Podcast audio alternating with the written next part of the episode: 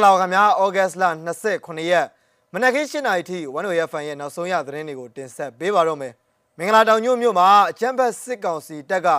လမ်းပေါ်မှာရပ်ထားတဲ့ကားတွေကိုဖျက်ဆီးသွားတယ်လို့သိရပါတယ်ဒဇယ်မြို့ကာပေါင်းကြကျေးရွာမှာတော့စစ်ကောင်စီတပ်တွေဝင်ရောက်မိရှုဖျက်ဆီးသွားပါတယ်လွိုင်ကော်မြို့ကမိုင်းတဲယုံဘုံဖောက်ခွဲခံလိုက်ရပါပြီကလေးမြို့မှာတော့မင်းညက်ကတိုက်ပွဲပြင်းထန်တယ်လို့ဒေသခံတွေကသတင်းပေးပို့လာပါတယ် ထိုင်းမှာမူရစ်တရားခံကိုရဲကအသက်သေးစေတဲ့အထိစစ်စင်းဝင်ညစ်တဲ့ဗီဒီယိုအွန်လိုင်းပေါ်ပြန့်နှံ့ပြီးတဲ့နောက်မှာကျူးလွန်သူရဲတွေကိုဖမ်းဆီးလိုက်တယ်လို့သိရပါတယ်ဒီသတင်းတွေနဲ့အတူဒီကနေ့မနက်ပိုင်း၈နာရီထိနောက်ဆုံးရရှိတဲ့သတင်းတွေကိုတင်ဆက်ပေးမှာပါပထမဆုံးအနေနဲ့တင်ဆက်ပေးခြင်းတဲ့သတင်းတစ်ပုဒ်ကတော့မင်္ဂလာတောင်ညွန့်မြို့နယ်မှာကျန်းဖက်စစ်ကောင်စီတပ်ဖွဲ့ဝင်တွေကတရက်တွေပြစ်ဖောက်ပြီးတော့လမ်းပေါ်မှာရပ်ထားတဲ့ကားအချို့ကိုဖျက်ဆီးခဲ့တယ်လို့ မြို့နယ်မှာနေထိုင်တဲ့သူအချို့ကပြောကြားခဲ့ပါတယ်။ဩဂတ်စ်လ26ရက်ည8နာရီခွဲလောက်မှာဖြစ်ပွားခဲ့တာဖြစ်ပြီးတော့မင်္ဂလာတောင်ညွန့်မြို့နယ်မြရကုန်းလမ်းပေါ်မှာရှိတဲ့ဈေးတဲ့အချို့နဲ့ပြည်သူတွေထွက်ပြေးခဲ့ရတယ်လို့သိရပါတယ်။124လမ်းမှာစစ်ကားတွေကိုရှေ့ကနေခြာတိတ်တုပ်ကအော်ဆဲသွားလို့နှစ်ချက်သုံးချက်ပြစ်ဖောက်တယ်။ပြီးတော့နောက်ကနေလင်းကားရောက်အုပ်လိုက်ပြေးလိုက်လာပြီးခုနှစ်ချက်ရှစ်ချက်ထပ်ပြစ်လို့လမ်းထဲကဈေးတွေနဲ့လူတွေအကုန်ဝရုံသုံးကားပြေးကြရတယ်။ကားတွေလည်းရိုက်သွားတယ်။ အခုတော့အကုန်လုံးလမ်းထဲကထွက်သွားကြပါပြီလို့ဒေသခံတို့ကပြောဆိုပါတယ်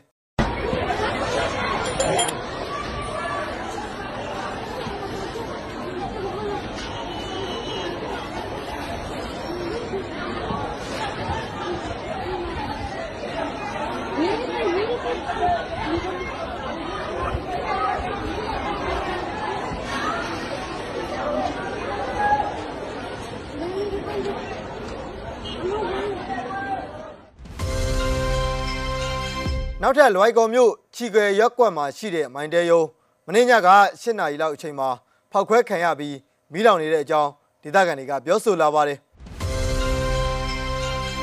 စကိုင်းတိုင်းဒေသကြီးဒဇယ်မြို့နယ်ကာပေါင်းကြကျေးရွာမှာတော့ဩဂတ်စ်လ26ရက်ညပိုင်းကစစ်ကောင်စီတပ်တွေရွာတွင်းမှာဝင်ရောက်မီးရှို့ဖျက်ဆီးတောင်းကျမ်းနေကြတဲ့အကြောင်းဒေသခံတို့ကမစည်းမကိုသတင်းပေးပို့လာပါတယ်ဒလန်ကခေါ်လို့စစ်တပ်ကအဲ့ဒီရွာကိုတက်လာဆွဲတာအခုလည်းမိုးရေရွာနေတဲ့ကြားက ကာပေါင်းကြရွာကိုမိရှုဖျက်ဆီးနေကြတယ်လက်နက်ကြီးတွေနဲ့လည်းအနီးနားကရွာတွေကိုပစ်နေတယ်လို့ဒေသခံတူကပြောဆိုလာပါတယ်စစ်ကောင်စီတပ်တွေကကာပေါင်းကြရွာကိုစီးနင်းတာဟာအခုချိန်ဆိုရင်9ချိန်မြောက်လောက်ရှိပြီဖြစ်ပြီးတော့အရင်စီးနင်းဝင်ရောက်ချိန်တွေကလည်းရွာမှာရှိတဲ့နေအိမ်တွေကိုဖျက်ဆီးပြီးအစားအသောက်ငွေကြေးနဲ့အဖိုးတန်ပစ္စည်းတွေကိုယူဆောင်သွားခဲ့ကြပါတယ်နောက်ထပ်တင်ဆက်ပေးခြင်းတဲ့သတင်းတစ်ပုဒ်ကတော့စကိုင်းတိုင်းဒေသကြီးကလေးမျိုးတင်သားရွာတော်ဝိုင်မှာ မင်းညပိုင်းကအကြမ်းဖက်စစ်ကောင်စီတပ်ဖွဲ့နဲ့ပြည်သူ့ကာကွယ်ရေးတပ်ဖွဲ့တွေတိုက်ပွဲပြင်းထန်နေတယ်လို့ပြည်သူ့ကာကွယ်ရေးတပ်ဖွဲ့ဘက်ကထုတ်ပြန်ထားပါတယ်ကျွန်တော်တို့ကလေးမျိုးရက်ကွက်တချို့ကနေလက်နက်ကြီးတံတွေကြားရတယ်ဗျရွာသားတွေပြေးနေရပြီဗျစစ်တပ်ကအမြဲတမ်းစစ်ကြောင်းထွက်နေတာဒီနေ့တော့တိုက်ပွဲအတော်ကျန်းတယ်ရွာတွေထဲထိလက်နက်ကြီးတွေနဲ့စစ်တပ်ကပြစ်နေတယ်လို့ပြောတယ်လို့ကလေးမျိုးကန်ဒေသခံတူကပြောပါတယ်ညနေကလေးကတင်သားရွာတဝိုက်မှာအကြမ်းဖက်စစ်အုပ်စုနဲ့ထိတွေ့မှုဖြစ်နေတဲ့အကြောင်းတိုက်ပွဲမှာထင်ထားတာထက် ပုံမပြင်းထန်လာပြီးလက်နက်ကြီးလက်နက်ငယ်တွေအသုံးပြုနေတဲ့အကြောင်းတိုက်ပွဲဟာတင်သားကျေးရွာရဲ့စက်ယုံကုန်းနေရာအထိရောက်ရှိလာပြီးတော့အရင်တစ်ခေါက်တိုက်ပွဲထက်စစ်ကောင်စီရဲ့အင်အားကပုံမများပြားနေတဲ့အကြောင်းထုတ်ပြန်ချက်မှာလည်းရေးသားဖော်ပြထားပါတယ်ကလေးမျိုးနယ်ကမိုင်း20ကျော်ဝေးကွာပြီးတိုက်ပွဲဖြစ်ပွားရနီးတော့မှာရှိတဲ့အရှိစီးဒိုးနွယ်ကြောက်ဖူးနဲ့တင်သားကျေးရွာတို့ကဒေသခံတွေထွက်ပြေးတိမ်းရှောင်နေကြရပါတယ်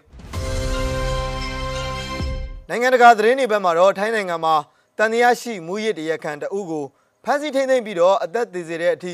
ချင်းချောက်ငွေညှိမှုဖြစ်စဉ်နဲ့ဆက်နွယ်နေတဲ့လူသက်မှုနဲ့ဆွဆွဲခံခဲ့ရတဲ့ရဲလေးဦးကိုဩဂတ်25ရက်က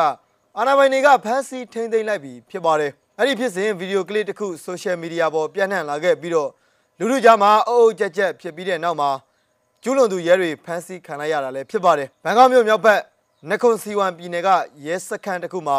ဩဂတ်15ရက်ကဖြစ်ခဲ့တဲ့ဖြစ်စဉ်နဲ့ဆက်နွယ်ပတ်သက်နေတဲ့အခြားရဲ၃ဦးကိုလည်းလက်ရှိချိန်မှာရှာဖွေနေဆဲဖြစ်တယ်လို့မြို့သားရဲတပ်ဖွဲ့ဒုတိယပြောရေးဆိုခွင့်ရှိသူရဲမှုကြီးကေဆာနာဖက်တန်နာချာရွန်ကပြောဆိုလိုက်ပါတယ်သူတို့ထဲမှာတမိုးကြီးကားတွေစုဆောင်းထားတဲ့အတွက်ဂျိုဖရာရီလို့အမည်ပြောင်းပေးထားတဲ့ရဲမှုကြီးတူလည်းပါတယ်လို့ထိုင်းမီဒီယာတွေကဖော်ပြကြပါတယ်ထိုင်းနိုင်ငံမှာရဲတွေရဲ့လူမဆန်တဲ့အကျင့်မြတ်ခြားစားမှုတွေနဲ့ပတ်သက်လို့ဆွဆွဲတိုင်တန်းမှုတွေက ရှားပါဖြစ်စဉ်မျိုးတွေမဟုတ်ပေမဲ့အခုပေါက်ကြားလာခဲ့တဲ့ဗီဒီယိုတစ်ခုထဲမှာတော့တတန်တရားရှိမူရစ်တရခန်ကိုရဲတွေကချင်းချောက်ငွေညစ်ဖို့ကြိုးပမ်းမှုအတွင်းမှာ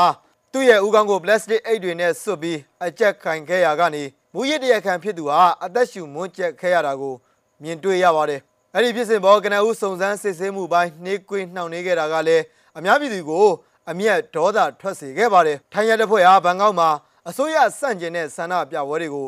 နှိမ်နင်းဖို့ကြိုးပမ်းတဲ့အချိန်အင်အားအသုံးပြုလှုပ်ဆောင်မှုတွေအတွက်လည်းမကြသေးခင်ကအပြင်းထန်ဝေဖန်ခံထားရပါသေးတယ်။ဆန္ဒပြသူတို့ချို့ကကြမ်းတမ်းပြင်းထန်တဲ့နီလန်းတွေအသုံးပြုခဲ့တဲ့အချိန်ရဲတွေဟာပို့ပြီးတော့အလွန်ကျွံတုံ့ပြန်ခဲ့ပြီးတော့ရာဘာဂျီတွေနဲ့အနိကပစ်တာအပါဝင်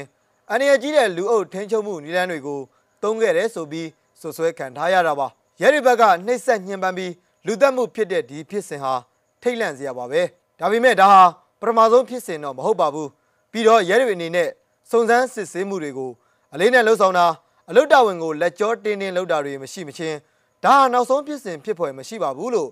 HRW ကစီနီယာသုတေသီစူနိုင်ဖာဆော့ကပြောလိုက်ပါတယ်အခုဖြစ်စဉ်နဲ့ပတ်သက်လို့လူသိများတဲ့ရှစ်နေတူဖြစ်တဲ့ဒီချာကစ်တီဝစ်တာယာနန်ကသူ့ရဲ့ Facebook page မှာတင်ခဲ့ပြီးတဲ့နောက်မှာရဲတပ်ဖွဲ့ကစုံစမ်းစစ်ဆေးမှုစပြီးတော့လုပ်ခဲ့တာဖြစ်ပါတယ်ဒီချာရဲ့ပြောကြားချက်အရသူဟာနခွန်ဆာဝန်က ဂျူနီယာရဲတဦးစီကနေတိုင်ကြားချက်တစ်ခုလက်ခံရရှိခဲ့တဲ့အကြောင်းအဲ့ဒီတိုင်ကြားချက်အရပြည်နယ်ကရဲတွေဟာတန်တရားရှိမူရစ်တရားခံနှစ်ဦးဖြစ်တဲ့အသက်24နှစ်အရွယ်မျိုးသားတဦးနဲ့သူ့ရဲ့အဖော်မျိုးသမီးတဦးကိုမက်သမ်ဖက်တမင်ဆေးပြားတသိန်းကျော်နဲ့အတူဖမ်းဆီးခဲ့တယ်လို့ဆိုပါတယ်။အဲ့ဒီနောက်မှာတော့ရဲတွေကကနအူးမှာသူတို့ကိုဘတ်ငွေတသန်းပေးမယ်ဆိုရင်တရားခံအူးကိုပြန်လွှတ်ပေးမယ်ဆိုပြီးတောင်းခဲ့တယ်လို့ဆိုပါတယ်။မူရတဲ့ခံအူးကလည်းပေးမယ်လို့သဘောတူခဲ့တယ်လို့ဆိုပါတယ်။ဒါပေမဲ့အခင်းနေရာကို ရဲမှုကြီးထစ်တီဆန်အတနာဘောဆိုသူရဲရရှိတူရောက်ရှိလာခဲ့ပြီးပထမသဘောတူထားတဲ့ငွေရဲ့နှစ်ဆ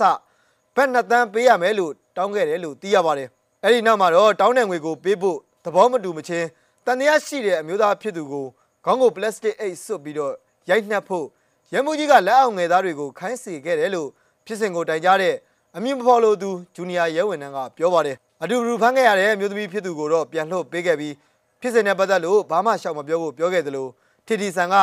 တည်ဆုံးသူမျိုးသားရဲ့ဖခင်ဖြစ်သူကိုလည်းရင်ကုန်နှုတ်ပိတ်နေဖို့ငွေပေးခဲ့တယ်လို့ဂျူနီယာရဲဝန်ထမ်းကပြောလိုက်ပါတယ်ကျွန်တော်တို့ဒီဖြစ်စဉ်ကိုပြစ်မှုဆိုင်ရာအမှုစဉ်အရာရောစီကံထိန်းသိမ်းမှုအရေးယူမှုအရာရောဆက်ပြီးတော့လှုပ်သွားနေပါတယ်လို့ရဲတပ်ဖွဲ့ပြောရေးဆိုခွင့်ရှိသူကေဆာနာကပြောဆိုလိုက်ပါတယ်။ဩဂတ်စ်လ29ရက်မနက်ခင်း7:00နာရီထိနောက်ဆုံးရရှိခဲ့တဲ့သတင်းတွေကိုတင်ဆက်ပေးခဲ့တာပါ။